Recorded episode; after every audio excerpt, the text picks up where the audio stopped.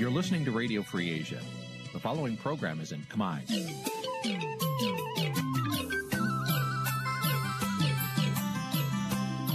នេះជាកម្មវិធីផ្សាយវិទ្យុអាស៊ីសេរីនេះជាកម្មវិធីផ្សាយរបស់វិទ្យុអាស៊ីសេរីជាភាសាខ្មែរវិទ្យុអាស៊ីសេរីសូមស្វាគមន៍លោកអ្នកនាងទាំងអស់ពីរដ្ឋធានី Washington នៃសហរដ្ឋអាមេរិក។ បាទពីរដ្ឋធានីវ៉ាស៊ីនតោនខ្ញុំបាទសេកបណ្ឌិតសូមជម្រាបសួរអស់លោកអ្នកនាងកញ្ញាទាំងអស់ជាទីមេត្រីបាទយើងខ្ញុំសូមជូនកម្មវិធីផ្សាយសម្រាប់យប់ថ្ងៃសៅរ៍4កើតខែអាសាឍឆ្នាំខាលចត្វាស័កពុទ្ធសករាជ2566ដែលត្រូវនៅថ្ងៃទី2ខែកក្កដាគ្រិស្តសករាជ2022បាទជាដំបូងនេះសូមអញ្ជើញអស់លោកអ្នកនាងស្ដាប់ព័ត៌មានប្រចាំថ្ងៃដែលមានមេតិការដូចតទៅ thank you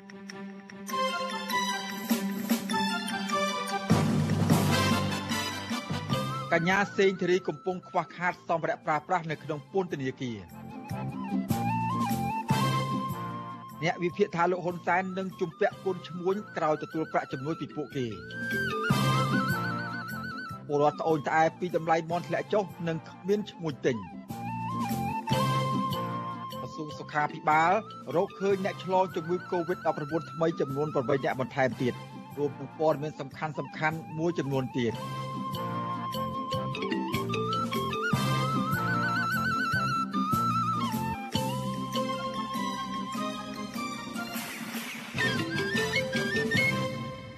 បាទជាបន្តទៅទៀតនេះខ្ញុំបាទសេកបណ្ឌិតសូមជូនព័ត៌មានពិស្ដា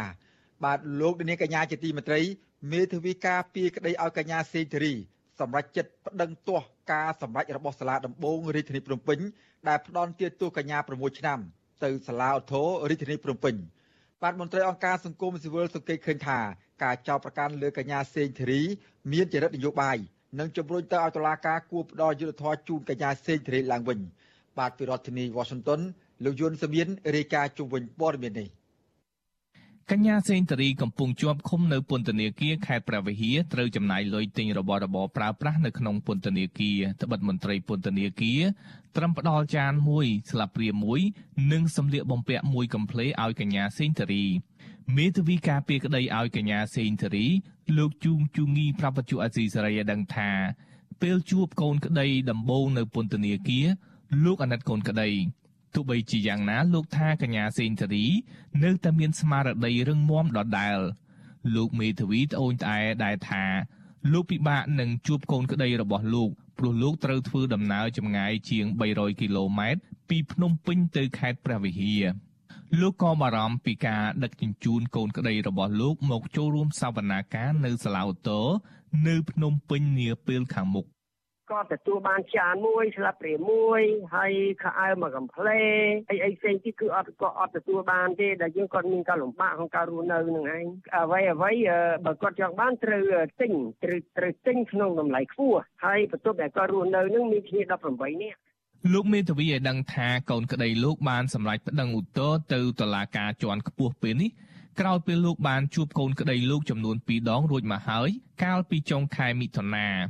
លោកមេធាវីជួងជូងីបន្តថាលោកមិនទាន់ទទួលដំណឹងពីសាឡាវតថាតឡាការនឹងបើកសវនាការ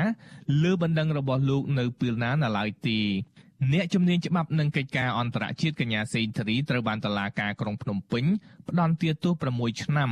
ពីបទរួមគំនិតក្បត់ និងញុះញង់ ត្រូវបានមន្ត្រីពន្ធនាគារបដូរកន្លែងឃុំខ្លួនពីពន្ធនាគារនៅភ្នំពេញយកទៅឃុំខ្លួននៅពន្ធនាគារខេត្តព្រះវិហារកាលពីថ្ងៃទី15ខែមិថុនាមន្ត្រីពន្ធនាគារអះអាងថាការបដូរពន្ធនាគារនេះដើម្បីការពារសន្តិសុខនិងសន្តិភាពសាធារណៈប៉ុន្តែមន្ត្រីសិទ្ធិមនុស្សថានេះជាការធ្វើទុកបុកម្នេញលើកញ្ញាសេងធារីតាក់ទងការខ្វះខាតរបស់របរប្រើប្រាស់នៅក្នុងពន្ធនាគារ អ្នកនាំពាក្យអគ្គនាយកដ្ឋានពន្ធនាគារនៃក្រសួងមហាផ្ទៃលោកនុតសាវណ្ណាទាមទារឲ្យមេធាវីការពារក្តីកញ្ញាសេងធារីបញ្ជាក់ឲ្យច្បាស់ច្បាស់ថាតើកញ្ញាសេងធារីខ្វះខាតរបស់របរប្រើប្រាស់អ្វីខ្លះនិងការចំណាយថវិកាទិញប៉ុន្មានទើបលោកអាចដោះស្រាយបានអ្នកនាំពាក្យពន្ធនាគាររូបនេះអះអាងទៀតថាមន្ត្រីពន្ធនាគារបានយកចិត្តទុកដាក់លើកញ្ញាសេងធារីចង់លើសអ្នកជាប់ឃុំផ្សេងទៀតផង សម្ភារៈប្រើប្រាស់តខ្លួនចាំបាច់អីហ្នឹងគឺយើងផ្គត់ផ្គង់ជូនគាត់គ្រប់គ្រប់ដែរមកតើបានណាទាំងសាប៊ូទាំងច្រាស់ដុសធ្មេញថ្នាំដុសធ្មេញវាពាក់អីហ្នឹងយើងផ្គត់ផ្គង់ជូនគាត់កសែងអីហ្នឹងខ្ញុំមិនដឹងថាគាត់ចង់ទិញអីគាត់បញ្ជាក់ឲ្យច្បាស់មកអាហ្នឹងយើងស្រួលស្រាវជ្រាវតាមហ្នឹងអីវ៉ាន់ណាក៏ថ្លៃដែរឥឡូវនៅតាមផ្សារក៏ថ្លៃដែរឥឡូវតាក់ទងការលើកឡើងរបស់អ្នកនាំពាក្យពន្ធនាគារបែបនេះលោកមេធាវីជួងជូងីសូមមិនបញ្ជាក់លម្អិតពីការខ្វះខាត និងការចំណាយថវិការបស់កញ្ញាសេងធារីនៅក្នុងពន្ធនាគារនោះទេទោះបីជាយ៉ាងណានាយកទទួលបន្ទុកកិច្ចការទូតទៅនៃអង្គការលីកាដូលោកអំសំអាតលើកឡើងថាពន្ធនាគារនៅតែជួបបញ្ហាចង្អៀតណែននិងការផ្ដល់អាហារមិនគ្រប់គ្រាន់ដល់អ្នកជាប់ឃុំលោកអំសំអាតរំពឹងថាតឡាការជាន់ខ្ពស់នឹងផ្ដល់យុត្តិធម៌ដល់កញ្ញាសេងធារីគណៈមតិជាតិនិងអន្តរជាតិរិះគន់ថា ការចោទប្រកាន់នេះជារឿងនយោបាយ ហើយគេយល់ថាការផ្ដំទោសទៅលើកញ្ញាសេងធារីនេះវាជារឿងអយុត្តិធម៌ជារឿងដែលធ្វើការគម្រាមកំហែងធ្វើទុកបុកម្នេញបំផិតបំភ័យទៅលើសកម្មជនការពារសិទ្ធិមនុស្សព្រោះកញ្ញាសេងធារីតែងតែតស៊ូមតិដើម្បីសេរីភាពនិងដើម្បីសិទ្ធិមនុស្សណាកន្លងមក លោកអំសំអាតចាត់ទុកការបញ្ជូនកញ្ញាសេងធារីទៅឃុំខ្លួននៅពន្ធនាគារខេត្តព្រះវិហារគឺប៉ះពាល់ដល់សិទ្ធិទទួលបានការជួបជាមួយគ្រួសារនិងហាក់ដាក់សម្ពាធបន្ថែមទៀតលើកញ្ញាសេងធារីទោះបីជាយ៉ាងណាអ្នកនាំពាក្យពន្ធនាគារលោកនុតសាវណ្ណាអះអាងថាប្រសិនបើកញ្ញាសេងធារីមិនពេញចិត្តចំពោះការជាប់ឃុំនៅពន្ធនាគារខេត្តព្រះវិហារ កញ្ញាអាចពឹងមេធាវីដាក់លិខិតស្នើសុំទៅក្រសួងមហាផ្ទៃដើម្បីបដូរមកជាប់ឃុំនៅពន្ធនាគាររាជធានីភ្នំពេញវិញក៏បានដែរចំណែកមេធាវីជូជូងីប្រាប់ថាលោកបានជជែករឿងនេះជាមួយកូនក្តីរបស់លោកដែរប៉ុន្តែកញ្ញាសេងធារីមិនទាន់ឆ្លើយមកលោកវិញនៅឡើយទេខ្ញុំយុនសាមៀនវុទ្ធុអាស៊ីសេរីប្រធានាធិបតី Washington បាទលោកនាងកញ្ញាជាទីវិត្រីពាក់ព័ន្ធនឹងថ្ងៃគម្រប់ខួបនៃការបាញ់សម្លាប់លោកបណ្ឌិតកែមលីវិញ បាទក្រមយុវជន និងមន្ត្រីអង្គការសង្គមស៊ីវិលគ្រងយកកម្រងផ្កាជូនលោកបណ្ឌិតកែមលី នៅកន្លែងឃាតករបាញ់សម្លាប់លោកបណ្ឌិតស្ថិតនៅស្តាម៉ាតក្នុងស្ថានីយ៍ព្រេងអន្តរកាលតិចនៅក្នុងទីក្រុងភ្នំពេញនៅថ្ងៃទី10ខែកក្កដាខាងមុខនៅក្នុងឱកាសខួប6ឆ្នាំរបស់លោកបណ្ឌិតកែមលីបាទទន្ទឹមគ្នានេះ ពួកគាត់ក៏បានរៀបចំកម្រងឯកសារនិងទស្សនៈទានរបស់លោកបណ្ឌិតកែមលីផ្សព្វផ្សាយលើបណ្ដាញសង្គមដើម្បីឲ្យប្រជាពលរដ្ឋនិងក្រមយុវជន បានរៀនសូត្រសិក្សាបន្ថែម អំពីវីរភាពដ៏អង់អាចក្លាហានរបស់លោកបណ្ឌិតកែមលី បាទពីរដ្ឋធានី Washington លោកយ៉ងច័ន្ទរារាយការណ៍ជុំវិញព័ត៌មាននេះ អង្គការសង្គមស៊ីវិលនិងក្រមយុវជនមួយចំនួនចាប់ផ្ដើមធ្វើយុទ្ធនាការផ្សព្វផ្សាយកម្រងទស្សនៈទានបណ្ឌិតកែមលីនៅលើបណ្ដាញសង្គមដើម្បីបញ្ញាក់ស្មារតីយុវជន និងប្រជាពលរដ្ឋទូទៅឲ្យចេះឈឺឆ្អាលបញ្ហាប្រទេសជាតិនិងចងចាំពីវីរភាពរបស់បណ្ឌិតកែមលី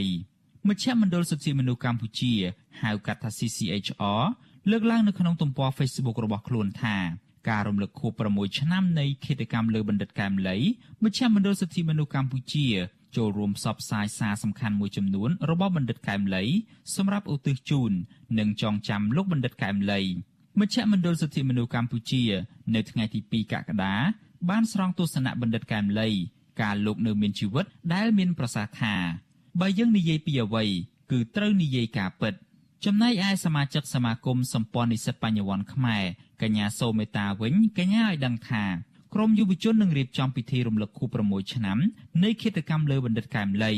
និងចែកចាយវត្ថុអនុស្សាវរីយ៍មួយចំនួនដូចជាកែវទឹកដែលឆ្លាក់រូបបណ្ឌិតកែមលីជូនប្រជាពលរដ្ឋផងដែរកញ្ញានៅតែចាត់ទុកថាករណីឃាតកម្មលើបណ្ឌិតកែមលីនេះគឺជារឿងនយោបាយលើពីនេះកញ្ញានៅតែបន្តអំពាវនាវដល់សហគមន៍អន្តរជាតិឲ្យមានចំណាត់ការ ឬដាក់ទណ្ឌកម្មណាមួយដើម្បីជំរុញឲ្យរដ្ឋាភិបាលកម្ពុជាបើកការស៊ើបអង្កេតរកមុខឃាតករពិតប្រាកដមកកាត់ទោសដើម្បីផ្ដល់យុត្តិធម៌ដល់ជនរងគ្រោះបុគ្គលដែលពជាមនុស្សឲ្យមកបាញ់សម្លាប់គាត់នឹងគឺ គេព្រួយបារម្ភបំផុតព្រោះលោកបណ្ឌិតកែមលីគាត់ជាបុគ្គលមួយដែលវែកញែកឈុតឆាកនយោបាយហើយវែកញែកសកម្មភាពដែលអសកម្មរបស់អាជ្ញាធរដល់មន្ត្រីរាជការជាពិសេសគឺមេដឹកនាំកម្ពុជាដែលគាត់អសមត្ថភាពគាត់គ្មានលទ្ធភាពនៅក្នុងការដោះស្រាយបញ្ហានៅក្នុងកម្ពុជារឿងនយោបាយរឿងអ្នកមានអំណាចប្លន់ដីផ្ទះប្រជាពលរដ្ឋរឿងសេដ្ឋកិច្ចផ្សេងផ្សេងស្រដៀងគ្នានេះសមាជិកយុវជនខ្មែរថាវរៈ លោកហ៊ុនវណ្ណៈថ្លែងថាក្រមយុវជនខ្មែរថាវរៈនឹងចូលរួមការប្រារព្ធពិធីរំលឹកខួប6ឆ្នាំនៃគិតកម្មលើបណ្ឌិតកែមលីជាមួយសមាគមសម្ព័ន្ធនិស្សិតបញ្ញវន្តខ្មែរលោកបន្តថាក្នុងឱកាសខួប6ឆ្នាំនេះក្រមយុវជនខ្មែរថាវរៈនិងក្រមយុវជននៃសមាគមសម្ព័ន្ធនិស្សិតបញ្ញវន្តខ្មែរគ្រងរៀបចំពិធីបំពោះកោសក់ ការតមអាហារនិងការដាក់កម្រងផ្កាជូនបណ្ឌិតកែមលីនៅកន្លែងឃាតករបាញ់សម្លាប់លោកដើម្បីគោរពវិញ្ញាណក្ខន្ធនិងឧទ្ទិសកុសលជូនបណ្ឌិតកែមលីឲ្យកើតជាខ្មែរជារៀងរហូត។ធីដែលរំលឹកវិញ្ញាណក្ខន្ធបុណ្យខួបលោកមនិតកែមលីជារៀងរាល់ឆ្នាំនេះគឺជាការបង្ហាញការស្រឡាញ់វាមិនបានជះផលអីអាក្រក់ទៅដល់រដ្ឋាភិបាលទេហើយក៏មិនគួរណាមានការមករារាំងមកប្រើកម្លាំងមកបំបិតសិទ្ធិ ដែរការធ្វើការរារាំងបំបិតសិទ្ធិនេះមិនបានជួយទេវាបែរទៅជាបង្ហាញទៅមហាជនថាគិតកម្មលោកមនិតកែមលីនេះអាចអ្នកខ្លះយល់ច្រឡំថាខាងរដ្ឋាភិបាលដែលជាអ្នកពាក់ព័ន្ធបើមិនពាក់ព័ន្ធហេតុអីបានហាមឬក៏រារាំងគេមិនឲ្យគេធ្វើអញ្ចឹងពួកយើងធ្វើនេះគ្នា4 10នាក់20 30នាក់ខ្ញុំជឿជាក់ថាពួកគាត់គួរតែយោគយល់ពិចារណាថាអ្វីដែលជាភាពចំណេញដល់រដ្ឋាភិបាលហើយអ្វីដែលជាភាពខាត វិទ្យុអាស៊ីសេរីមិនទាន់អាចតាក់ទងប្រធានអង្គភិបអ្នកណែនាំពាក្យរដ្ឋាភិបាលលោកផៃស៊ីផានដើម្បីសាកសួរជុំវិញរឿងក្រមយុវជនក្រុងដាក់កម្រងផ្កាជូនបណ្ឌិតកែមលី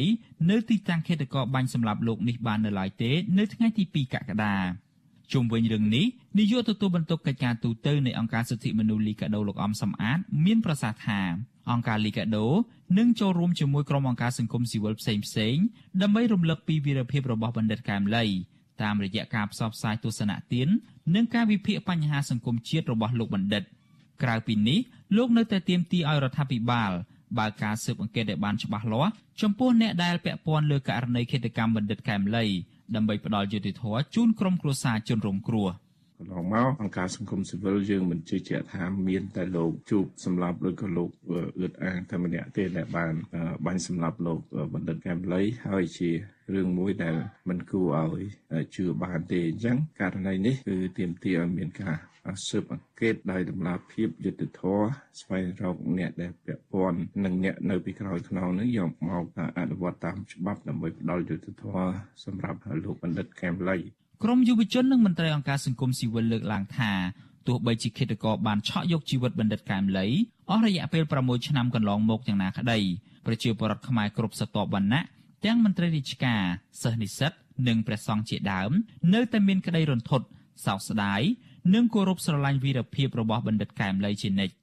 ខ្ញុំយ៉ងច័ន្ទដារាវិទ្យុអេស៊ីសេរីរាយការណ៍ពីរដ្ឋធានី Washington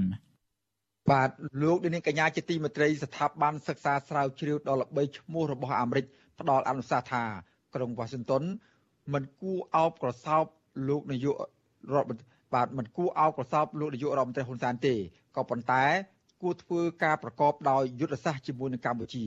បាទការផ្ដល់អនុសាសន៍បែបនេះកើតមានឡើងស្របពេលដែលកម្ពុជាកំពុងក្លាយជាទីតាំងភូមិសាស្ត្រនយោបាយដ៏សំខាន់មួយនៅក្នុងតំបន់យុទ្ធសាស្ត្រ Indo-Pacific របស់សហរដ្ឋអាមេរិកក្នុងការប្រកួតប្រជែងជាមួយនឹងប្រទេសកុម្មុយនីសចិនបាទលោកនាងនឹងបានស្ដាប់សេចក្តីរាយការណ៍ពិស្ដារអំពីរឿងនេះនាពេលបន្តិចទៀត។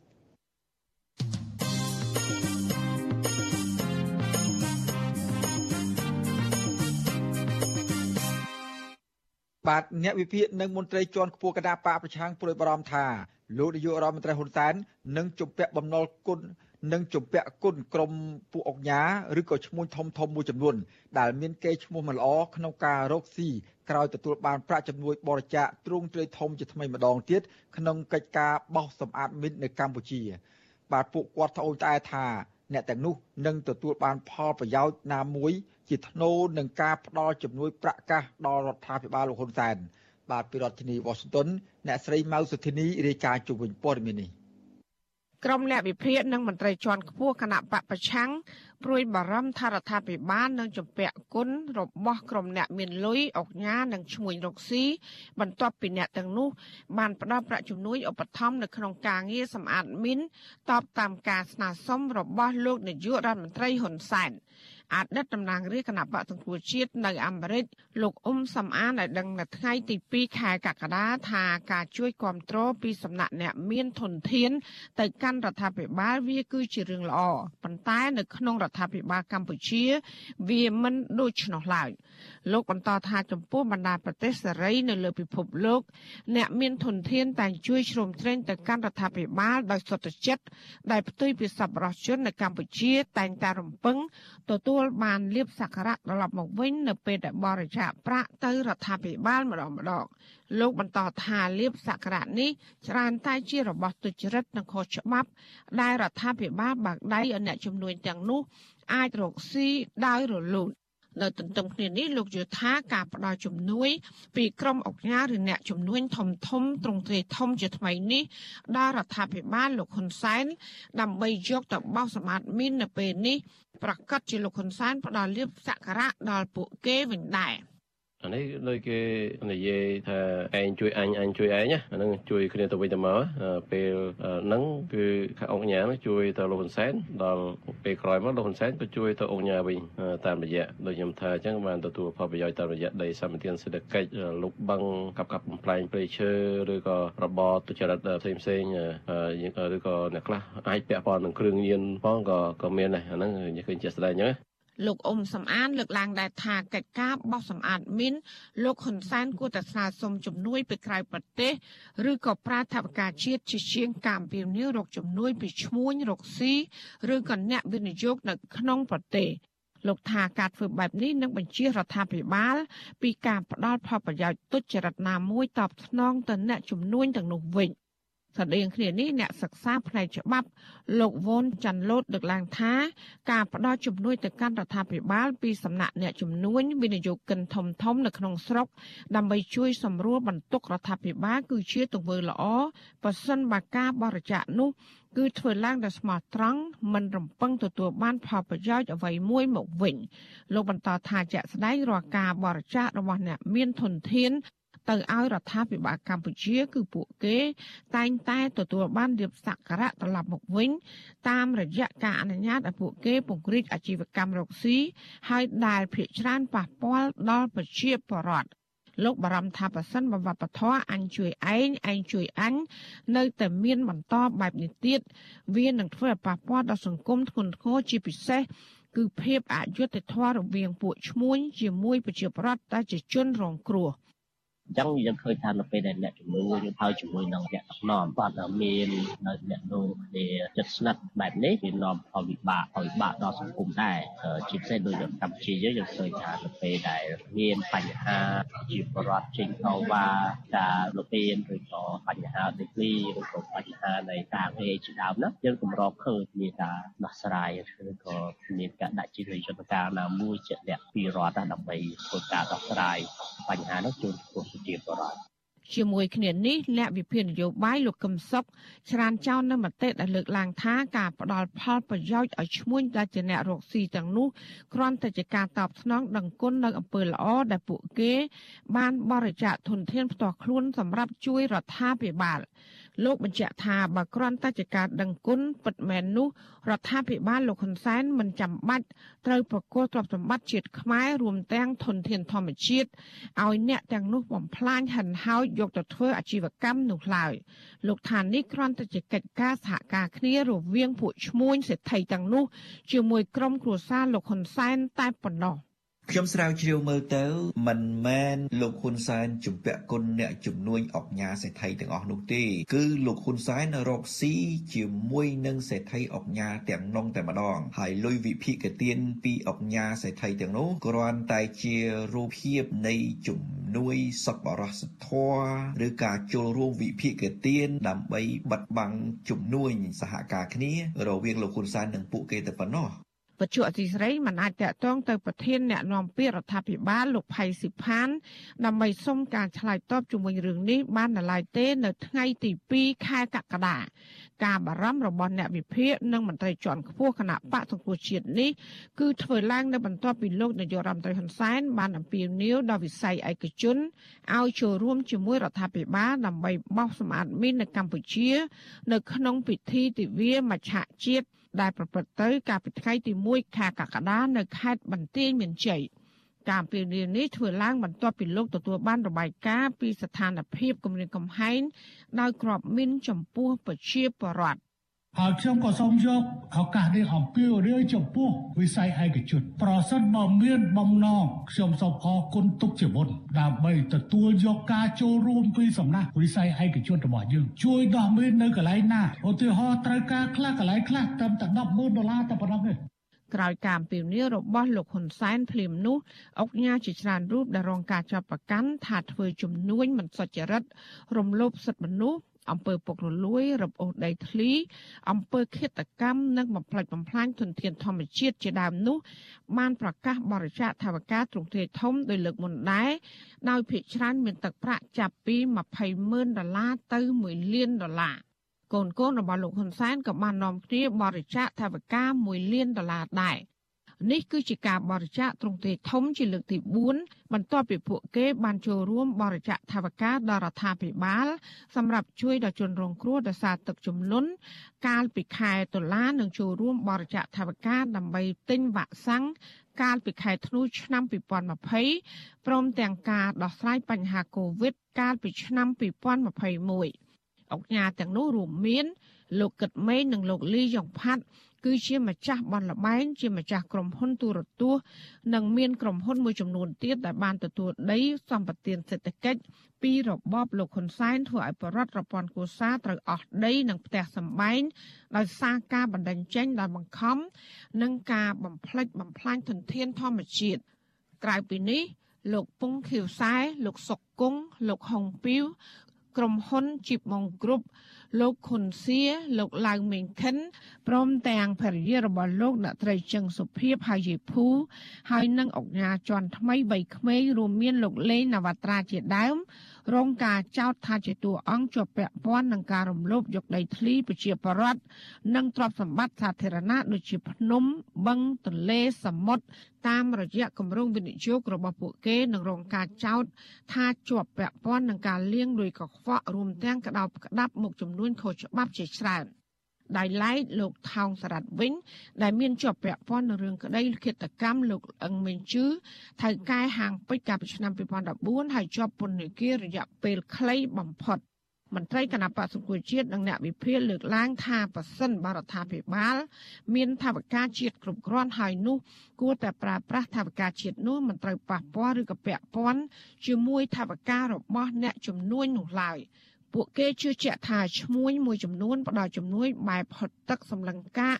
ឬក៏ចង់បានផលតបស្នងពីរដ្ឋាភិបាលមកវិញ ដែលធ្វើឲ្យប៉ះពាល់ដល់ផលប្រយោជន៍ជាតិនិងប្រជាពលរដ្ឋ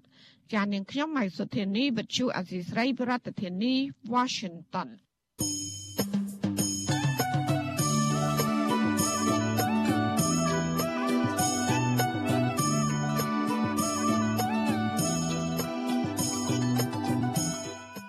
បាទលោកនាងកញ្ញាជាទីមេត្រីលោកនាងកំពុងតាមដានស្ដាប់ការផ្សាយរបស់វិទ្យុអសីសេរីពីរដ្ឋធានីវ៉ាស៊ីនតោនសហរដ្ឋអាមេរិកបាទក្រៅពីលោកនាងតាមដានស្ដាប់ការផ្សាយរបស់យើងខ្ញុំតាមបណ្ដាញសង្គម Facebook និង YouTube នោះលោកនាងក៏អាច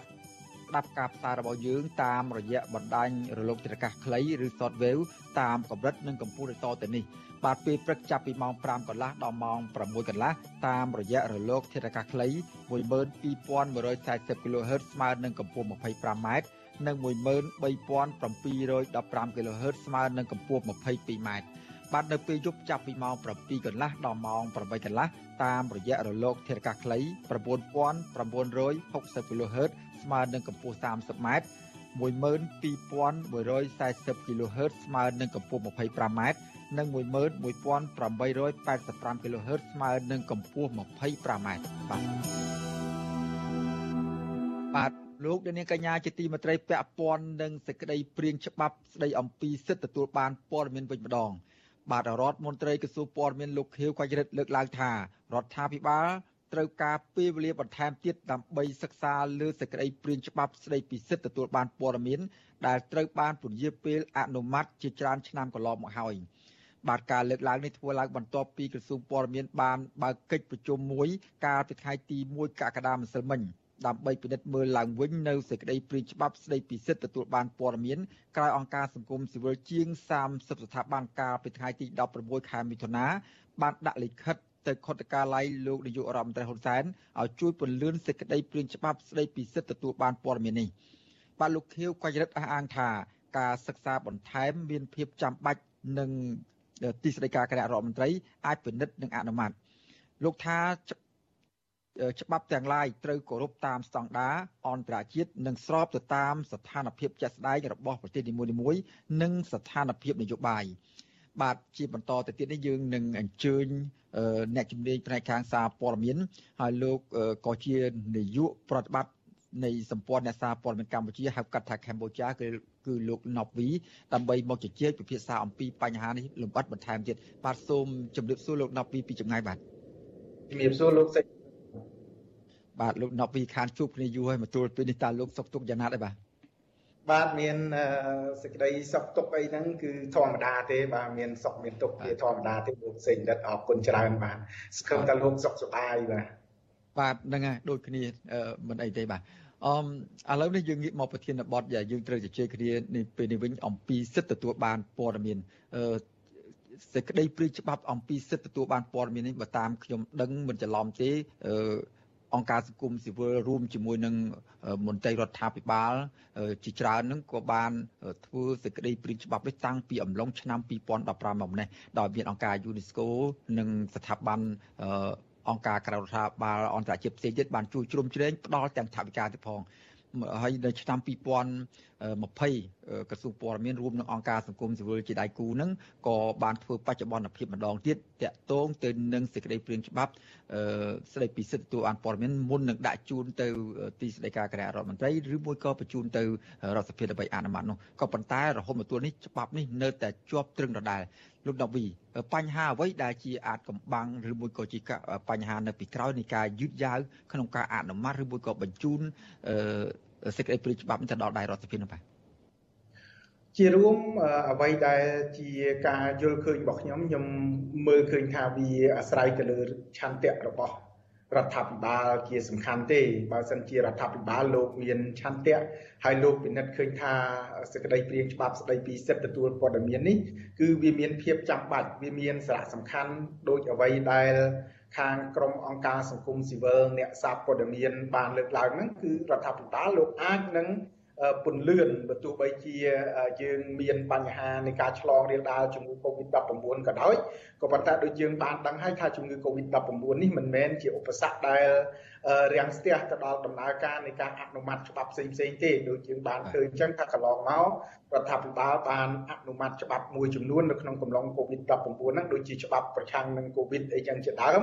ហើយនឹងការរៀបចំនៅអនុក្រឹត្យមួយចំនួនទៀតដូចជាអនុក្រឹត្យស្ដីពីច្រកទ្វារអ៊ីនធឺណិតជាតិអីចឹងជាដើមអញ្ចឹងទោះបីជាយើងមានបញ្ហានៃការឆ្លងរាលដាលជំងឺ COVID ក៏ប៉ុន្តែវាមិនមែនជា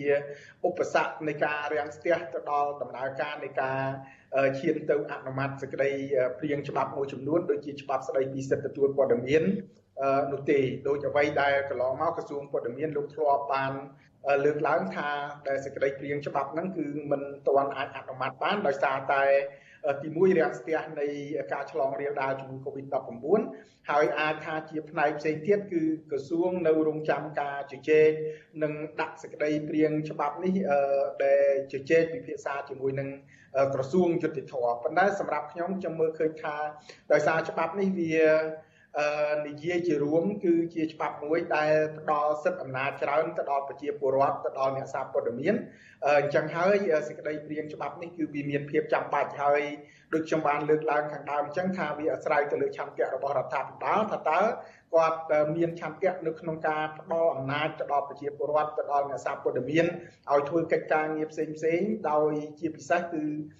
ប្រើប្រាស់ច្បាប់ស្ដីពីសិទ្ធិទទួលបានព័ត៌មាននឹងដែរឬក៏យ៉ាងដូចម្ដេចបាទ បាទអរគុណលោកណូវីអឺ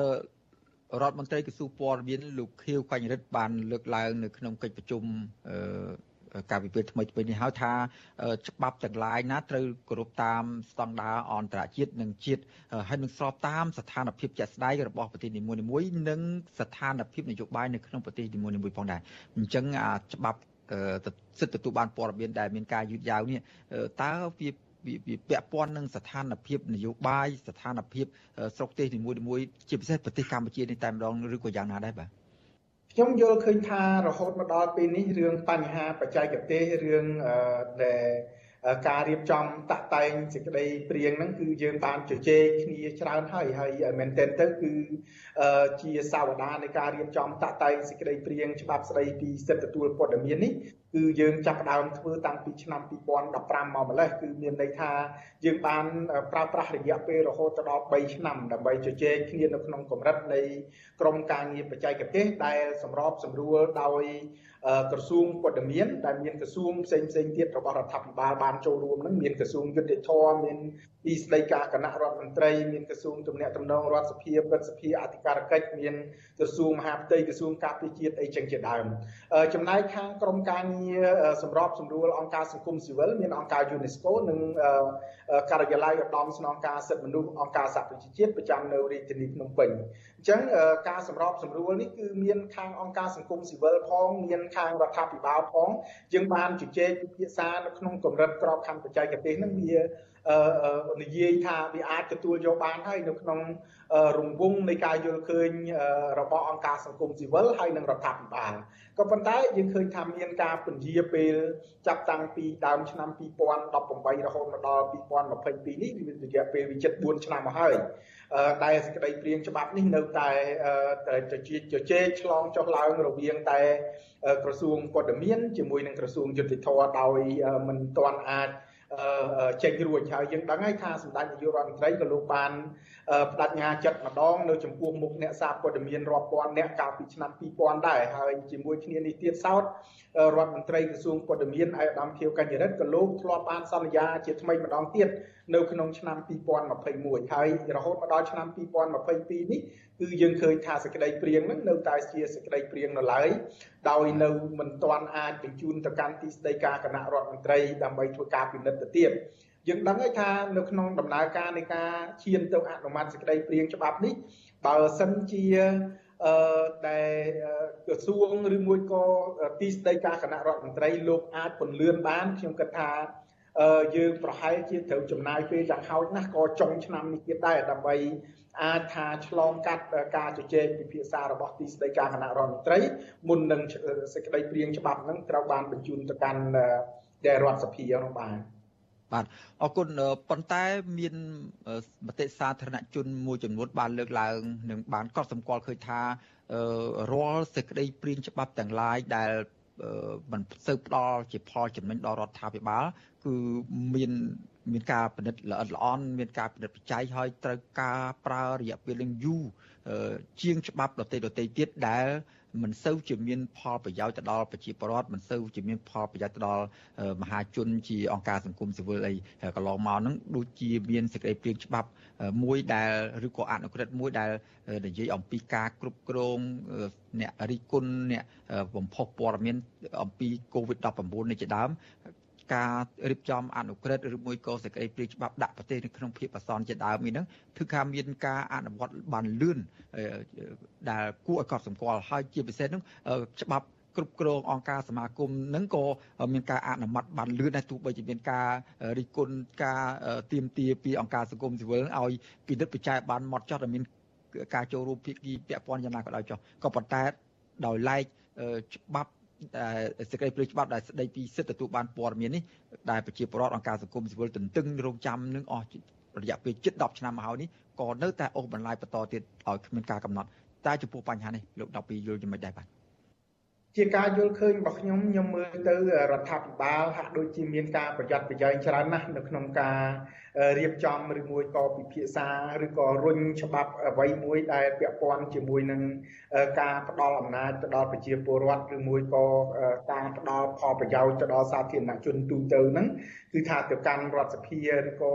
នៅក្នុងដំណើរការនៃការអនុម័តច្បាប់ដែលមានទំនោរដូចនេះហ្នឹងគឺថាមានការយឺតយ៉ាវណាស់ បាទហើយនៅមានភាពប្រទៀងបន្ទង់ច្រើនណាស់ដូចជាយើងដឹងហើយរឿងច្បាប់តាក់ទងជាមួយនឹងសិទ្ធិទទួលព័ត៌មាននេះគឺជាឧទាហរណ៍ស្រាប់ ដូចជាដែលការធ្វើវិសោធនកម្មច្បាប់ស្តីពីរបបសារព័ត៌មានដែលមានផលប្រយោជន៍ទៅដល់អ្នកសារព័ត៌មានហ្នឹងក៏រហូតមកដល់ពេលនេះបានត្រឹមតែការលើកឡើងនៅការព្រួយផ្ដើមគំនិតនៅក្នុងការធ្វើវិសោធនកម្មនៅឡើយនៅពេលដែលច្បាប់ហ្នឹងគឺមានមិនសូវមានអធិបុលនៅក្នុងការប្រើប្រាស់ចាប់តាំងពីឆ្នាំ1995មកហើយយើងឃើញមានច្បាប់ផ្សេងផ្សេងទៀតដែលមានទំនោរការពារផលប្រយោជន៍ទូទៅការពារជនរងគ្រោះអីហ្នឹងគឺថាមិនសូវមានការយកចិត្តទុកដាក់ឲ្យបានច្រើនដើម្បីជំរុញឲ្យមានការអនុម័តទេដូចជាច្បាប់ការពារសាកសីឬមួយក៏ច្បាប់ការពារបុគ្គលរាយការណ៍ផ្ដល់ព័ត៌មានយើងហៅថា visual blower ជាជាដើមហ្នឹងគឺថា នៅតែប្រទៀងបន្ទង់នៅមិនទាន់មានការអនុម័តនៅឡើយប៉ុន្តែផ្ទុយទៅវិញបើសិនជាយើងពិនិត្យមើលនៅច្បាប់មួយចំនួនដែលផ្ដល់អំណាចច្រើនទៅដល់រដ្ឋាភិបាលទៅដល់សមត្ថកិច្ចនៅក្នុងការគ្រប់គ្រងនៅក្នុងការដែលតាមដានឬមួយក៏ នៅក្នុងការដាក់ការរដ្ឋបတ်អីមួយចំនួនទៅលើសេរីភាពទៅដល់សិទ្ធិប្រជាពលរដ្ឋហ្នឹងខ្ញុំមើលឃើញថាហាក់ដូចជាមានការពន្លឿនបានបានលឿនបើទោះបីជានៅក្នុងស្ថានភាពណាក៏ដោយនេះគឺជាចំណុចមួយដែលជាថ្មីម្ដងទៀតខ្ញុំក៏ទទូចដែរថានៅក្នុងសង្គមយើងដែលជាពិសេសគឺ នៅក្នុងយុគសម័យ Digital នៅក្នុងស្ថានភាពដែលយើង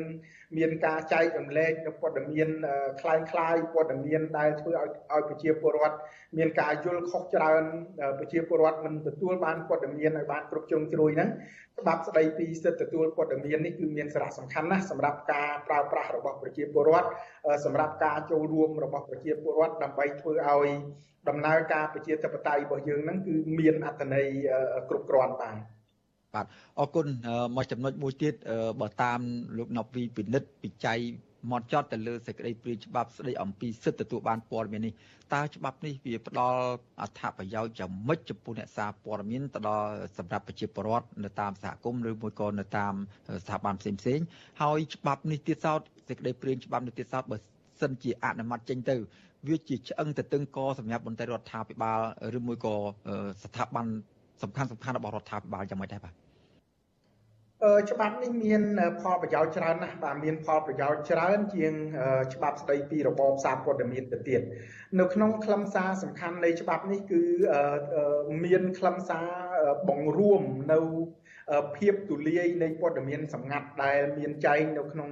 គោលការណ៍ច្បាប់ជាច្រើននៅក្នុងប្រទេសកម្ពុជាយើងហ្នឹងគឺឲ្យរួមមកកាន់តែតូចឲ្យស្រួចមិនអាចធ្វើឲ្យអ្នកច្បាប់ហ្នឹងចេះតែបកស្រាយថាព័ត៌មានណាក៏សម្ងាត់ព័ត៌មានណាក៏សម្ងាត់កិច្ចសន្យាណាក៏សម្ងាត់ហ្នឹងគឺថាមិនអាចបកស្រាយដូចនេះបានបន្តទៀតទេបើសិនជាសេចក្តីព្រៀងច្បាប់ស្តីពីសិទ្ធិទទួលព័ត៌មាននេះត្រូវបានអនុម័តនេះគឺជាចំណុចសំខាន់ទី1ចំណុចសំខាន់ទី2សេចក្តីច្បាប់ស្តីពីសិទ្ធិទទួលព័ត៌មាននេះគឺជាការចងភ្ជាប់កាតព្វកិច្ចចាប់បង្ខំ ទៅដល់ស្ថាប័នរដ្ឋទៅដល់មន្ត្រីរដ្ឋឲ្យមានការទទួលខុសត្រូវចំពោះមុខប្រជាពលរដ្ឋការទទួលខុសត្រូវនេះគឺតាមរយៈការឆ្លើយតបដោយមានពេលវេលាកំណត់ច្បាស់លាស់ចំពោះរាល់សំណើសុំព័ត៌មានរបស់ប្រជាពលរដ្ឋរបស់អ្នកសារព័ត៌មានផងដែរដោយមិនអាចចេះតែនិយាយដោយមិនអាចចេះតែធ្វើមិនដឹងមិនលឺឬមួយក៏មិនឆ្លើយតបហើយមិនមានគោលការណ៍ច្បាប់ណាមួយយកមកដាក់ទោសទណ្ឌពួកគាត់ទេ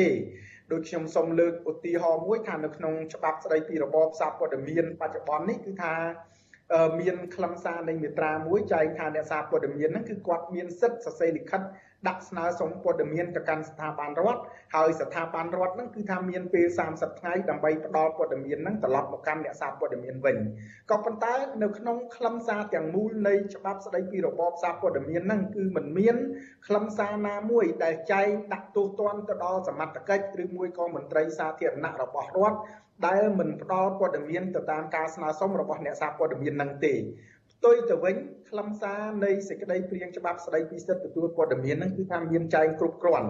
មានអធិបុលអនុវត្តគ្រប់គ្រាន់ដែលចាប់បង្ខំឲ្យមន្ត្រីទទួលបន្ទុកផ្នែកព័ត៌មាននៃស្ថាប័នរដ្ឋនីមួយៗហ្នឹងគឺថាត្រូវមានកាតព្វកិច្ចទទួលខុសត្រូវខ្ពស់ចំពោះអ្នកស្នើសុំព័ត៌មានហើយដូចខ្ញុំបានជម្រាបជូនចឹងការទទួលខុសត្រូវខ្ពស់នេះគឺថា នៅក្នុងពេលវេលាមួយដែលកំណត់យ៉ាងច្បាស់នៅក្នុងខ្លឹមសារនៃច្បាប់ហ្នឹងมันអាចថាមន្ត្រីហ្នឹងគាត់មានព័ត៌មានហើយគាត់ចង់ផ្ដល់ឲ្យរយៈពេល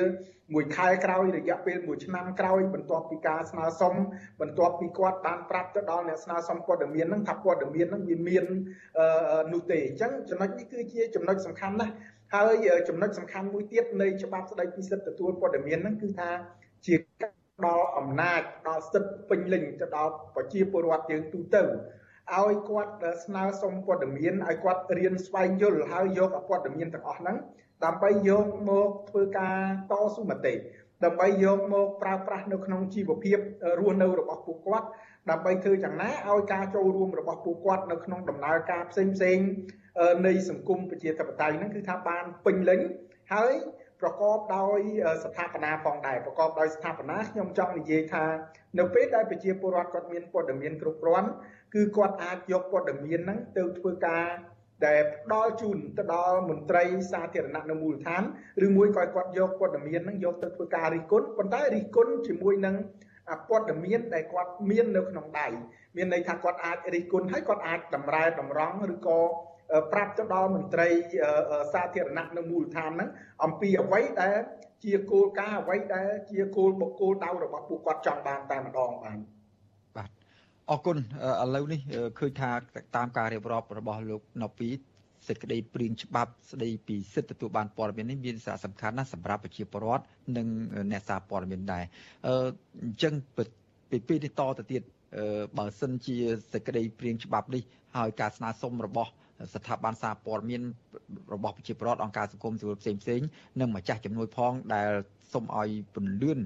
នៃការអនុម័តច្បាប់នេះ មានការពន្យាពេលតទៀតនោះតើម្ចាស់ជំនួយឬមួយក៏អ្នកសារព័ត៌មានអង្គការសង្គមស៊ីវិលគ្រូនឹងធ្វើយ៉ាងម៉េចទៀតដើម្បីជំរុញទៅដល់មន្ត្រីក្រសួងឬក៏រដ្ឋាភិបាលឲ្យបញ្ញាប់បញ្ញាល់បញ្ចេញនៅសេចក្តីព្រាងច្បាប់នេះដើម្បីបញ្ជូនបានទៅរដ្ឋសភាអនុម័តរបស់ តាមពិតទៅនៅក្នុងចាប់តាំងពីឆ្នាំ2020មកបើដូចអ្វីដែលខ្ញុំបានលើកឡើងជម្រាបជូនអញ្ចឹងថាប្រមុខដឹកនាំរដ្ឋាភិបាលរួមទាំងរដ្ឋមន្ត្រីក្រសួងព័ត៌មានផងគឺសុទ្ធតែបានបង្ហាញឆន្ទៈនៃការពន្លឿនឲ្យមានការអនុម័តសេចក្តីព្រាងច្បាប់ស្តីពីសិទ្ធិទទួលព័ត៌មាននឹង អ្វីដែលសង្គមស៊ីវិលបានធ្វើកន្លងមកនេះគឺគ្រាន់តែជាការដាស់តឿនក្រើនរំលឹកជាការជួយដែលពញាក់ស្មារតីធ្វើយ៉ាងណាដើម្បីឲ្យដំណើរការនៃការឈានទៅអនុម័តសេចក្តីព្រាងច្បាប់នឹងបានឆាប់រហ័សទេมันមានអីថ្មីជាង អ្វីដែលរដ្ឋាភិបាលគាត់មានការបដិញ្ញាចិត្តកន្លងមកហើយទេយើងគ្រាន់តែចង់ជំរាបជូនថាដោយសារតែប្រមុខដឹកនាំរដ្ឋាភិបាលបានបដិញ្ញាចិត្តរួចមកហើយដូច្នេះសេចក្តីព្រាងច្បាប់ហ្នឹងគួរតែត្រូវបានអនុម័តឲ្យបានឆាប់រហ័សអញ្ចឹងហើយបានថ្មីថ្មីហ្នឹងគឺយើងបានដាក់លិខិតទៅកាន់ កតកាល័យសម្ដេចនាយករដ្ឋមន្ត្រីដើម្បីធ្វើយ៉ាងណាឲ្យសម្ដេចនាយករដ្ឋមន្ត្រីលោកអាចជួយអន្តរាគមន៍បន្ថែមទៀតធ្វើយ៉ាងណាឲ្យច្បាប់នឹងអាចចេញបានកាន់ប្រឆាប់គឺកាន់តែល្អចំណុចទី1ចំណុចទី2អ្វីដែលយើងបានទទួលស្នើសុំទៅកាន់ដែលក្រមការងារជាពិសេសក្រមការងារក្រសួងព័ត៌មានហ្នឹងគឺថាបើនៅក្នុងដំណើរការចាប់ពីពេលដែលមានកិច្ចពិភាក្សារបស់ក្រសួងនៅទីស្តីការគណៈរដ្ឋមន្ត្រីឬមួយនៅក៏ នៅជាមួយនឹងស្ថាប័នក្រសួងពាក់ព័ន្ធផ្សេងផ្សេងទៀតសង្គមស៊ីវិលយើងបានដាក់ជូននៅខ្លឹមសារបន្ថែមហើយថាយើងចង់ឲ្យពិនិត្យមើលនៅខ្លឹមសារនៃមាត្រាមួយចំនួនទៀតដែលខាងក្រសួងរដ្ឋាភិបាលនឹងលោកបានធ្វើការកែតម្រូវលោកបានធ្វើការបំពេញឬក៏ដាក់បញ្ចូលបន្ថែមហើយដែលវាធ្វើឲ្យខ្លឹមសារដើមដែលកើតចេញពី ការព្រមព្រៀងគ្នារវាងក្រមការងារបច្ចេកទេសរបស់រដ្ឋាភិបាលនិងរបស់អង្គការសង្គមស៊ីវិលហ្នឹងគឺថាវាមានភាពខុសគ្នាមួយចំនួនអញ្ចឹងហើយបានយើងទទូចថាបើនៅក្នុងដំណើរការនៃការឈានទៅអនុម័តសេចក្តីព្រៀងច្បាប់ហ្នឹងរដ្ឋាភិបាលស្ថាប័នក្រសួងព័ត៌មានលោកគួរតែបន្តពិចារណាទៅលើខ្លឹមសារដែលយើងបានដាក់ជូនដើម្បីធ្វើយ៉ាងណាធានាថាខ្លឹមសារ សេចក្តីព្រៀងច្បាប់ស្តីពីសិទ្ធិទទួលព័ត៌មានដែលមានការប្រឹងប្រែងដោយក្រមការងារបច្ចេកទេសនៃអង្គការសង្គមស៊ីវិលនិងក្រសួងពីដើមមកហ្នឹងគឺថានៅតែមាន តម្លៃនៅតែឆ្លុះបញ្ចាំងនៅអ្វីដែលជាធាតចូលរបស់អង្គការសង្គមស៊ីវិលហើយនឹងរបស់ប្រជាពលរដ្ឋដែលបានផ្ដល់ធាតចូលមកកាន់អង្គការសង្គមស៊ីវិលកាលពីពេលដែលយើងបានរៀបចំតាក់តែងសេចក្តីព្រាងច្បាប់នឹងជាមួយគ្នានេះគឺជាចំណុចមួយដែលយើងតែងតែទទូចហើយក៏យើងចង់បានចង់ឃើញ ថាក្រសួងព័ត៌មានលោកទទួលយកហើយនឹងដាក់បញ្ចូលនៅធៀបចូលទាំងអស់នឹងផងដែរទៅក្នុងខ្លឹមសារសេចក្តីព្រាងច្បាប់ដែលកំពុងតែមានក្នុងពេលបច្ចុប្បន្នហ្នឹងហើយនៅក្នុងដំណើរការនៃការឈានទៅអនុម័តសេចក្តីព្រាងច្បាប់ហ្នឹងបាទបាទការបង្ហាញឆន្ទៈរបស់មន្ត្រីរដ្ឋាភិបាលជាមួយនឹងអង្គការម្ចាស់ជំនួយជាមួយនឹងអង្គការសង្គមស៊ីវិលក្នុងស្រុកទាំងអង្គការជាតិនិងអន្តរជាតិថាពិតជាបង្ហាញថា ពួកគាត់ចង់មានឲ្យមានកិច្ចការអនុម័តច្បាប់សេចក្តីព្រាងច្បាប់នឹងបានលឿនលឿនក៏ប៉ុន្តែឆន្ទៈឬក៏សកម្មភាពអនុវត្តជាក់ស្ដែងហ្នឹងមើលទៅហាក់ដូចជាពីពីបដាបច្រាស់គ្នាលោកនៅពេលដូចលោកដូចលោកនពីបានលើកពីខាងដើមមិញអញ្ចឹងអឺបើតាមការសង្កេតឬមួយក៏ការតាមដានរបស់លោកនៅពីផ្ទាល់តើរដ្ឋាភិបាលនឹងមានចេតនាពិតប្រាកដ មានឆន្ទៈពិតប្រាកដនៅក្នុងការចង់អនុម័តច្បាប់នេះទេឬមួយពួកគាត់ចង់ឲ្យអង្គការសង្គមស៊ីវិលអ្នកពាក់ព័ន្ធដែលចូលរួមនៅក្នុងសេចក្តីព្រាងច្បាប់នោះដកនៅចំណុចសំខាន់ណាមួយចេញទើបសេចក្តីព្រាងច្បាប់នេះមានដំណើរការលឿនទៅមុខនោះបាទនៅក្នុងខ្លឹមសារនៃសេចក្តីព្រាងច្បាប់ហ្នឹងវាមានចំណុចមួយចំនួន ជាពិសេសគឺដូចខ្ញុំបានលើកឡើងខាងដើមអញ្ចឹងថាខ្ញុំបានឃើញថាមានចំណុចខ្លះត្រូវបាន ដាក់បញ្ចូលបន្ទាប់ពីសេចក្តីព្រាងច្បាប់ដែល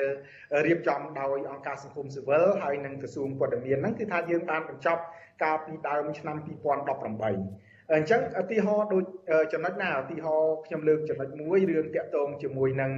អឺដែលប្រភេទព័ត៌មានសម្ងាត់ប្រភេទព័ត៌មានសម្ងាត់ហ្នឹងគឺមានចែងប្រមាណជា6ចំណុចនៅក្នុងមាត្រា20នៃសេចក្តីព្រាងច្បាប់បច្ចុប្បន្នហ្នឹងមានចែង6ចំណុចបាទ6ចំណុចហ្នឹងគឺមានចែងអំពី ព័ត៌មានដែលបណ្ដាលឲ្យមានអន្តរាយដល់ទំនាក់ទំនងដែលការទូតកាទំនាក់ទំនងអន្តរជាតិសេដ្ឋកិច្ចជាតិដល់សន្តិសុខជាតិដល់ដែលទំនៀមទម្លាប់ប្រពៃណីល្អរបស់ជាតិអីចឹងជាដើមអាហ្នឹងគឺជាខ្លឹមសារ6ចំណុចក៏ប៉ុន្តែនៅក្នុងចំណុចទី7ហ្នឹងគឺថាត្រូវបានដាក់បញ្ចូលថ្មីហ្នឹងគឺមានចែងថាចំណុចឬក៏ខ្លឹមសារដែលមានចែងនៅក្នុងបទបញ្ញត្តិផ្សេងទៀតហ្នឹងគឺថា ត្រូវរក្សាទុកអនុវត្តដដែលហើយត្រង់ចំណុចនេះគឺខ្ញុំចង់ជំរាបជំរាបជូនថាចេះថា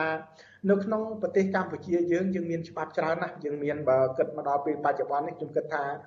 យើងមានបាក់ប្រហែលជាខ្ទង់500ច្បាប់ហើយបាទហើយក្នុង500ច្បាប់ហ្នឹងគឺក្នុងច្បាប់ទាំងអស់ហ្នឹងគឺសិតតែមានចែងអំពីក្របខ័ណ្ឌនៃការ ដែលមិនបើកទូលាយព័ត៌មានមួយចំនួនដែលរដ្ឋចាត់បញ្ចូលថាជាប្រភេទព័ត៌មានសម្ងាត់បាទហើយជាប្រភេទព័ត៌មានសម្ងាត់ឬប្រភេទព័ត៌មានដែលរដ្ឋមិនបើកទូលាយហ្នឹងគឺភាគច្រើនមានចែងទូលំទូលាយណាស់ដូចឧទាហរណ៍ថារាល់ព័ត៌មានទាំងឡាយណាដែលធ្វើឲ្យប៉ះពាល់ដល់សម្ដាប់ធ្នាប់សាធារណៈព័ត៌មានទាំងឡាយណាដែលធ្វើឲ្យប៉ះពាល់ដល់ដែលប្រពៃណីទំនៀមទម្លាប់ល្អរបស់ជាតិ ព័ត៌មានដែលធ្វើឲ្យប៉ះពាល់ទៅដល់សុខភាពសាធារណៈព័ត៌មានដែលធ្វើឲ្យប៉ះពាល់ទៅដល់សន្តិសុខជាតិហើយនឹងមួយទៀតគឺព័ត៌មានដែលប៉ះពាល់ទៅដល់ឯកជនភាពរបស់បុគ្គលហ្នឹងសេចក្តីថ្លៃថ្នូររបស់បុគ្គលហ្នឹងគឺថាត្រូវបានចាត់បញ្ចូលជាប្រភេទព័ត៌មានសម្ងាត់អឺដោយសារតែហេតុអីដោយសារតែភាពទូលាយនៃខ្លឹមសារទាំង5ចំណុចដែលខ្ញុំបានលើកឡើងមិញហ្នឹង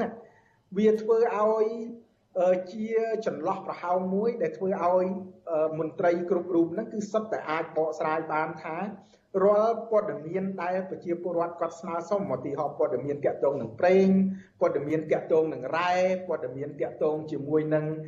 ការស៊ើបអង្កេតព័ត៌មានតាក់ទងជាមួយនឹងរឿងដំណើរការក្តីរបស់តុលាការអីចឹងជាដើមហ្នឹងគឺថាសិតតែជាព័ត៌មានសម្ងាត់បើហើយដល់ពេលសិតជាព័ត៌មានសម្ងាត់ ដល់ពេលនៅក្នុងខ្លឹមសារចំណុចទី7នៃមាត្រា20នៃច្បាប់សេចក្តីព្រាងច្បាប់ស្តីពីសិទ្ធិទទួលព័ត៌មានហ្នឹងឲ្យអំណាចថាខ្លឹមសារនៃបទបញ្ញត្តិព័ត៌មានសម្ងាត់ផ្សេងទៀតនៅក្នុងច្បាប់ផ្សេងទៀតហ្នឹងនៅតែត្រូវបានអនុវត្តដដែលហ្នឹងគឺថាវាធ្វើឲ្យខ្លឹមសារនៃសេចក្តីព្រាងច្បាប់ស្ដីពីសិទ្ធិទទួលព័ត៌មានហ្នឹងគឺថាហាក់ដូចជាត្រូវបានកាត់បន្ថយនៅខ្លឹមសារនៅអត្ថន័យរបស់វា នៅអំណាចបាននៅអំណាចនៃ ខ្លឹមសារនៃសេចក្តីព្រៀងច្បាប់ស្តីពីសិទ្ធិទទួលព័ត៌មានបច្ចុប្បន្នដែលកន្លងមកយើងតែងតែយល់ឃើញថាសេចក្តីព្រៀងច្បាប់ស្តីពីសិទ្ធិទទួលព័ត៌មាននេះគឺជាច្បាប់មេគឺជាច្បាប់គោលដែលរាល់ខ្លឹមសារទាំងឡាយណាដែលមានចែងនៅក្នុងច្បាប់ផ្សេងទៀតហើយផ្ទុយពីខ្លឹមសារដែលមានចែងនៅក្នុងច្បាប់ស្តីពីសិទ្ធិទទួលព័ត៌មានហ្នឹងគួរតែត្រូវបានចាត់ទុកថាជានារីកបាទចឹងកន្លែងហ្នឹងគឺជាចំណុចសំខាន់ណាស់ដែលយើងទទូចម្ដងហើយម្ដងទៀតថា សូមឲ្យក្រសួងបាទក្រសួងឬមួយក៏បើសិនជាសេចក្តីព្រៀងច្បាប់នេះទៅដល់រដ្ឋសភាសូមឲ្យសមាជិកសភាហ្នឹងគាត់ថាជជែកគ្នាដើម្បីលុបចំណុចទី7នឹងចោលតែម្ដងបាទអរគុណអញ្ចឹងសរុបទៅតាមលោកដវីមើលឃើញតើរដ្ឋាភិបាលមានចេតនាពិតប្រាកដចង់ឲ្យច្បាប់នេះចេញឲ្យបានលឿនទេមើលទៅ ខ្ញុំមើលទៅគឺបើយើងនិយាយថាมันមានចេតនាក៏ដូចជាមិនត្រូវដែរពីព្រោះបើសិនជាมันមានចេតនាខ្ញុំគិតថារដ្ឋាភិបាលលោកមិនចំណាយពេលវេលាចាត់តាំងពីឆ្នាំ2015មកក្នុងការតាក់តែងរៀបចំដំណើរការសេចក្តីព្រាងច្បាប់ស្តីពីសិទ្ធិទទួលព័ត៌មានហ្នឹងទេចំណុចទី1ចំណុចទី2តាមពិតសេចក្តីព្រៀងហ្នឹងមិនមែនទើបតែរៀបចំតាក់តែងឆ្នាំ2015ទេខ្លឹមសារនៃយើងហៅថាដែល គេគេហៅថា access to information framework ហ្នឹងគឺត្រូវបានរៀបចំតាក់តែងតាំងពីដែលឆ្នាំ2000 2005អីមកម្លេះតាំងពីមានការផ្ដួចផ្ដើមគំនិតដោយសង្គមស៊ីវិលឬមួយក៏គណៈបកប្រឆាំងអីមកម្លេះបាទអញ្ចឹងគ្រាន់តែថា ដែលបង្មានឆន្ទៈនៅក្នុងការធ្វើក៏ប៉ុន្តែហាក់ដូចជានៅដែលមានការរួញរាទៅមុខទៅក្រោយទៅមុខទៅក្រោយរឿងតាក់ទងជាមួយដំណើរឈានទៅអនុម័តសេចក្តីព្រាងច្បាប់នឹងបាទបាទអរគុណលោកនៅពេលដោយសារតែពេលវេលាឥឡូវនេះសូមជម្រាបលាលោកនៅពេលតែប៉ុណ្ណេះហើយយើងនឹងតាមដានមើលសេចក្តីព្រាងច្បាប់នេះបន្តទៀតតើនឹងវិវត្តទៅយ៉ាងណានៅពេលខាងមុខនេះបាទអរគុណជម្រាបលាលោកនៅពេលតែប៉ុណ្ណេះសិនបាទ បាទអរគុណជំរាបលាជំរាបលាលោកសេចបណ្ឌិតបាទបាទលោកនាងកញ្ញាជាទីមេត្រីពាក់ព័ន្ធនឹងវិស័យកសិករនិងមុខរបររបស់កសិកម្មកសិករវិញម្ដង បាទប្រជាកសិករចិញ្ចឹមមាន់នៅខេត្តកំពតរអ៊ូរទាំពីការចុះថ្លៃនិងមិនមានឈ្មួញចុះមកទិញមាន់ពួកគាត់ដូចឆ្នាំមុនមុនបាទក៏ប៉ុន្តែទំនិញគ្រប់ប្រភេទបែរជាហក់ឡើងថ្លៃយ៉ាងគំហុកជាពិសេសថ្លៃចំណីសត្វនិងប្រេងសាំង បាទកសិករស្នើដល់រដ្ឋាភិបាលឲ្យជួយបញ្ចុះតម្លៃទំនិញផ្សេងផ្សេងជាពិសេសបញ្ហាប្រេងសាំងឲ្យមកនៅតម្លៃមួយសមរម្យសម្រាប់កសិករអាចប្រកបមុខរបររកប្រាក់ចំណូលបាន បាទពីរដ្ឋធានីវ៉ាស៊ីនតោនលោកជាតិចំណានរាយការណ៍ជុំវិញព័ត៌មាននេះប្រជាកសិករចិញ្ចឹមមាន់នៅក្នុងស្រុកបន្ទាយមាសខេត្តកំពតបារម្ភពីការធ្លាក់ចុះនៅតម្លៃមាន់ចិញ្ចឹមយកសាច់ប៉ុន្តែតម្លៃជីចំណីសត្វភ្លើងនិងប្រេងឥន្ធនៈបែរជាឡើងថ្លៃឥតឈប់ឈរការឡើងថ្លៃមុខទំនិញសពសារពើនោះក សិករពុំសូវបារម្ភនោះទេប៉ុន្តែពួកគាត់ភ័យខ្លាចបំផុតគឺការដែលចិញ្ចឹមមាន់បានផលនោះហើយប៉ុន្តែពុំមានឈ្មួញឬក៏គ្មានទីផ្សារសម្រាប់លក់ចេញកសិករចិញ្ចឹមមាន់នៅក្នុងស្រុកបន្ទាយមាសខេត្តកំពតលោកហុកស៊ីផានប្រាវិសុអេស៊ីសរ៉ៃនៅរសៀលថ្ងៃទី2ខែកក្កដាថាកាលពីឆ្នាំមុនមុនមានឈ្មួញចុះមកទិញមាន់ចិញ្ចឹមដល់កសិដ្ឋានតែម្ដងដោយពេលនោះលោកពុំសូវព្រួយបារម្ភខ្លាចគ្មានអ្នកទិញនោះទេប៉ុន្តែឥឡូវនេះទោះទូរស័ព្ទហៅគេមកទិញទៀតក៏គ្មានឈ្មួញណាចុះមកទិញនោះដែរ លោកបន្តថាពេលដែលមាន់ចិញ្ចឹមបានផលហើយតែលក់មិនចេញដូច្នេះលោកពិបាកក្នុងការទូទាត់ប្រាក់ចំណូលនិងចំណាយលោកបន្ថែមថាកូនមន់ចេះតែកើតជាលំដាប់តែរកលុយទិញចំណីសត្វមិនបានព្រោះលោកលក់មន់ធំមិនចេញហើយចំណីមន់ទៀតសោតក៏ឡើងថ្លៃដែលកាលពីឆ្នាំមុនមួយក្រុងតម្លៃ56,000រៀលតែឥឡូវឡើងដល់67,000រៀលក្នុងមួយក្រុង មានការចិញ្ចឹមបានហើយឲ្យវាលក់ដាច់ហើយសូមឲ្យរដ្ឋាភិបាលយើងបើសិនជាយើងលក់ដាច់ក្នុងតម្លៃក្រោមហ្នឹងសូមឲ្យរដ្ឋាភិបាលយើងបញ្ចុះតម្លៃសម្ភារៈផ្សេងផ្សេងដែលនាំចូលនឹងមកណាចង់ឲ្យវាតម្លៃទាំងអស់ហ្នឹងវាចុះថោកទៅគឺយើងលក់ថោកទៅវាបានដែរដូចជាចំណីដូចជាអីហ្នឹងយើងវាយើងទិញពីគេថ្លៃ ខ្ញុំបងថ្ងៃខ្ញុំផ្ដាច់អាខ្លះខ្ញុំផ្ដាច់ចំណីវាចង់ខូចហើយវាដោយសារខ្ញុំលក់អត់ចេញអញ្ចឹងខ្ញុំទៅទិញចំណីគេមកទៀតវានាំឲ្យចំណាយច្រើនអញ្ចឹងណាហើយអញ្ចឹងខ្ញុំក៏អត់ហ៊ានទិញច្រើនខ្ញុំ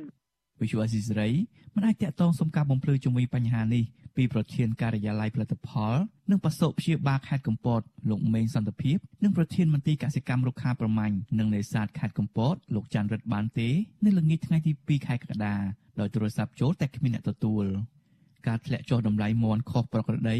គឺចាប់តាំងពីការផ្ទុះជំងឺ Covid-19 ក្នុងសហគមន៍20កុម្ភៈមក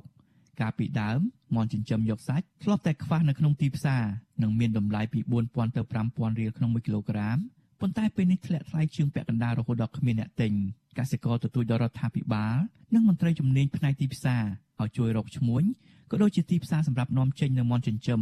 ដែលកសិករខិតខំចិញ្ចឹមបានផលច្រើនហើយប៉ុន្តែมันអាចរកទីផ្សារចេញនោះ ដើម្បីឲ្យពួកគេអាចដោះស្រាយជីវភាពប្រចាំថ្ងៃបានខ្ញុំបាទជាចំណាន Visual Assisary ប្រធានាទី Washington បាទលោកនាងកញ្ញាជាទីមេត្រីពាក់ព័ន្ធនឹងវិស័យទេសចរក្នុងអំឡុងពេលប្រទេសកម្ពុជានិងពិភពលោកកំពុងកើតជំងឺ Covid-19 វិញម្ដង បាទក្រសួងទេសចរចេញសារាចរណែនាំដល់មន្ទីរទេសចររាជធានីខេត្តនិងម្ចាស់អាជីវកម្មទេសចរឲ្យពង្រឹងវិធានការសុវត្ថិភាពទេសចរនិងការទប់ស្កាត់ជំងឺ Covid-19 ដែលកំពុងឆ្លងរាតត្បាតឡើងវិញបាទរដ្ឋមន្ត្រីក្រសួងទេសចរលោកថោងខុនលើកឡើងនៅក្នុងសារាចរណែនាំចុះថ្ងៃទី1ខែកក្កដាម្សិលមិញដោយឲ្យម្ចាស់អាជីវកម្មទេសចរធានានាគ្រប់បុគ្គលិកធានាថាគ្រប់បុគ្គលិកបម្រើការត្រូវបានចាក់វ៉ាក់សាំង គ្រប់ដូសនៅតាមមូលដ្ឋាន និងដូសជំរុញនិងរាយការណ៍បន្ទាន់ដល់អាជ្ញាធរមូលដ្ឋានក្នុងករណីមានការសង្ស័យចំពោះភ្ញៀវដែលមានជាប់ពាក់ព័ន្ធនឹងជំងឺ Covid-19 បាទលើពីនេះទៀតលោកថោងខុនណែនាំឲ្យពង្រឹងការអនុវត្តវិធានការរបស់ក្រសួងសុខាភិបាល និងក្រសួងទេសចរដើម្បីទប់ស្កាត់ជំងឺ Covid-19 ហើយគ្រប់មូលដ្ឋានអាជីវកម្ម ទេសចរសេវាកម្មត្រូវបន្តពង្រឹងគុណភាពនៃការផ្តល់សេវាកម្មថែរក្សាបរិស្ថានអនាម័យនិងរក្សាតម្លៃផលិតផល និងសេវាកម្មឲ្យបានសមរម្យបាទប្រធានសមាគមប្រជាធិបតេយ្យឯករាជ្យសេដ្ឋកិច្ចក្រៅប្រព័ន្ធលោកវ៉ាន់ពៅថ្លែងថាស្រាវជ្រាវណែនាំរបស់ក្រសួងទេសចរនេះគឺជារឿងល្អហើយលោកសង្កេតឃើញថាប្រជាជនហាក់ចេះបន្ស៊ាំខ្លួនរស់នៅជាមួយនឹងជំងឺ Covid-19 និងម្យ៉ាងទៀត ប្រជាជនភាគច្រើនបានចាក់វ៉ាក់សាំង COVID-19 រួចហើយបើទោះយ៉ាងណាលោកបានបង្ហាញពីក្តីបារម្ភចំពោះផលប៉ះពាល់ដល់ក្រមប្រកបរបរសេដ្ឋកិច្ចក្រៅប្រព័ន្ធដោយកន្លងមកពួកគេមិនទទួលបានការដោះស្រាយចំពោះផលប៉ះពាល់ជីវភាពរស់នៅរបស់ពួកគេឡើយពីសំណាក់រដ្ឋាភិបាលมันមានអ្នកណាមួយខ្វាយខ្វល់ជួយដោះស្រាយទៅទៅស្ថានភាពជីវភាពប្រចាំថ្ងៃតកតងទៅនឹងការឧបត្ថម្ភជាសាច់ប្រាក់អីវាហាក់ដូចជា มันបានផ្ដល់ឲ្យពួកយើងតបជុំចូលទៅតាមអ្វីដែលជាសេចក្តីត្រូវការរបស់យើងណាហើយសំខាន់មួយទៀតគឺពួកយើងអស់គ្នា90%គឺជាអ្នកជំនះបំណុលធនាគារបាទការចេញស្រាវជ្រាវណែនាំរបស់ក្រសួងទេសចរនេះធ្វើឡើងបន្ទាប់ពីក្រសួងសុខាភិបាលបានប្រកាសរកឃើញករណីឆ្លងជំងឺ Covid-19 ចាប់ផ្ដើមផ្ទុះឡើង ជាបន្តបន្ទាប់នៅក្នុងរយៈពេលប្រមាណថ្ងៃចុងក្រោយនេះក្រសួងសុខាភិបាលប្រកាសនៅថ្ងៃទី2ខែកក្កដាដែលរកឃើញថាអ្នកឆ្លងជំងឺ Covid-19 8អ្នកបន្ថែមទៀតដែលជាករណីឆ្លងក្នុងសហគមន៍ហើយប្រភេទមេរោគបំផ្លែកថ្មីអូមីក្រុងទាំងអស់បាទគិតត្រឹមថ្ងៃទី2ខែកក្កដាកម្ពុជា មានអ្នកឆ្លងជំងឺ Covid-19 ចំនួន136,000នាក់ក្នុងនោះអ្នកជាសះស្បើយមានចំនួន133,000នាក់ និងមានអ្នកស្លាប់ចំនួន3056នាក់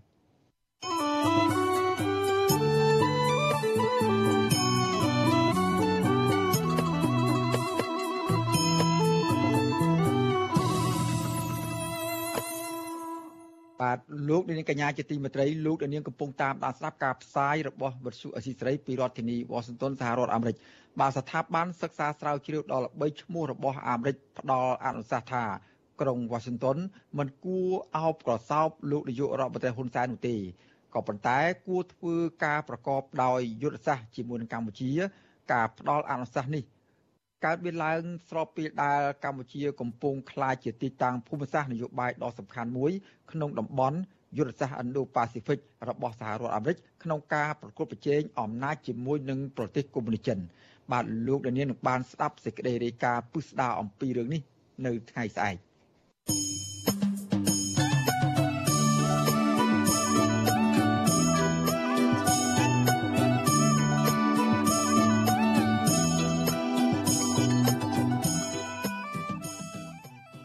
បាទលោកនាងកញ្ញាជាទីមេត្រីលោកនាងកំពុងតាមដានស្ដាប់ការផ្សាយរបស់វិទ្យុអេស្ត្រីពីរដ្ឋធានីវ៉ាស៊ីនតោនសហរដ្ឋអាមេរិកបាទក្រៅពីលោកនាងស្ដាប់ការផ្សាយរបស់យើងខ្ញុំតាមបណ្ដាញសង្គម Facebook និង YouTube នោះលោកនាងក៏អាចស្ដាប់ការផ្សាយរបស់យើងខ្ញុំតាមរលកធាតុអាកាសខ្លីគឺ Shortwave តាមកម្រិតនិងកម្ពស់ដូចតទៅនេះបាទពេលព្រឹកចាប់ពីម៉ោង5កន្លះដល់ម៉ោង6កន្លះតាមរយៈរលកធាតុអាកាសខ្លី12140 kHz ស្មើនឹងកម្ពស់ 25m និង13715 kHz ស្មើនឹងកម្ពស់ 22m បាទនៅពេលយប់ចាប់ពីម៉ោង7កន្លះដល់ម៉ោង8កន្លះតាមរយៈរលកធាតុអាកាសខ្លី9960 kHz ស្មើនឹងកម្ពស់ 30m 12140 kHz ស្មើនឹងកម្ពស់ 25m និង11885 kHz ស្មើនឹងកម្ពស់ 25m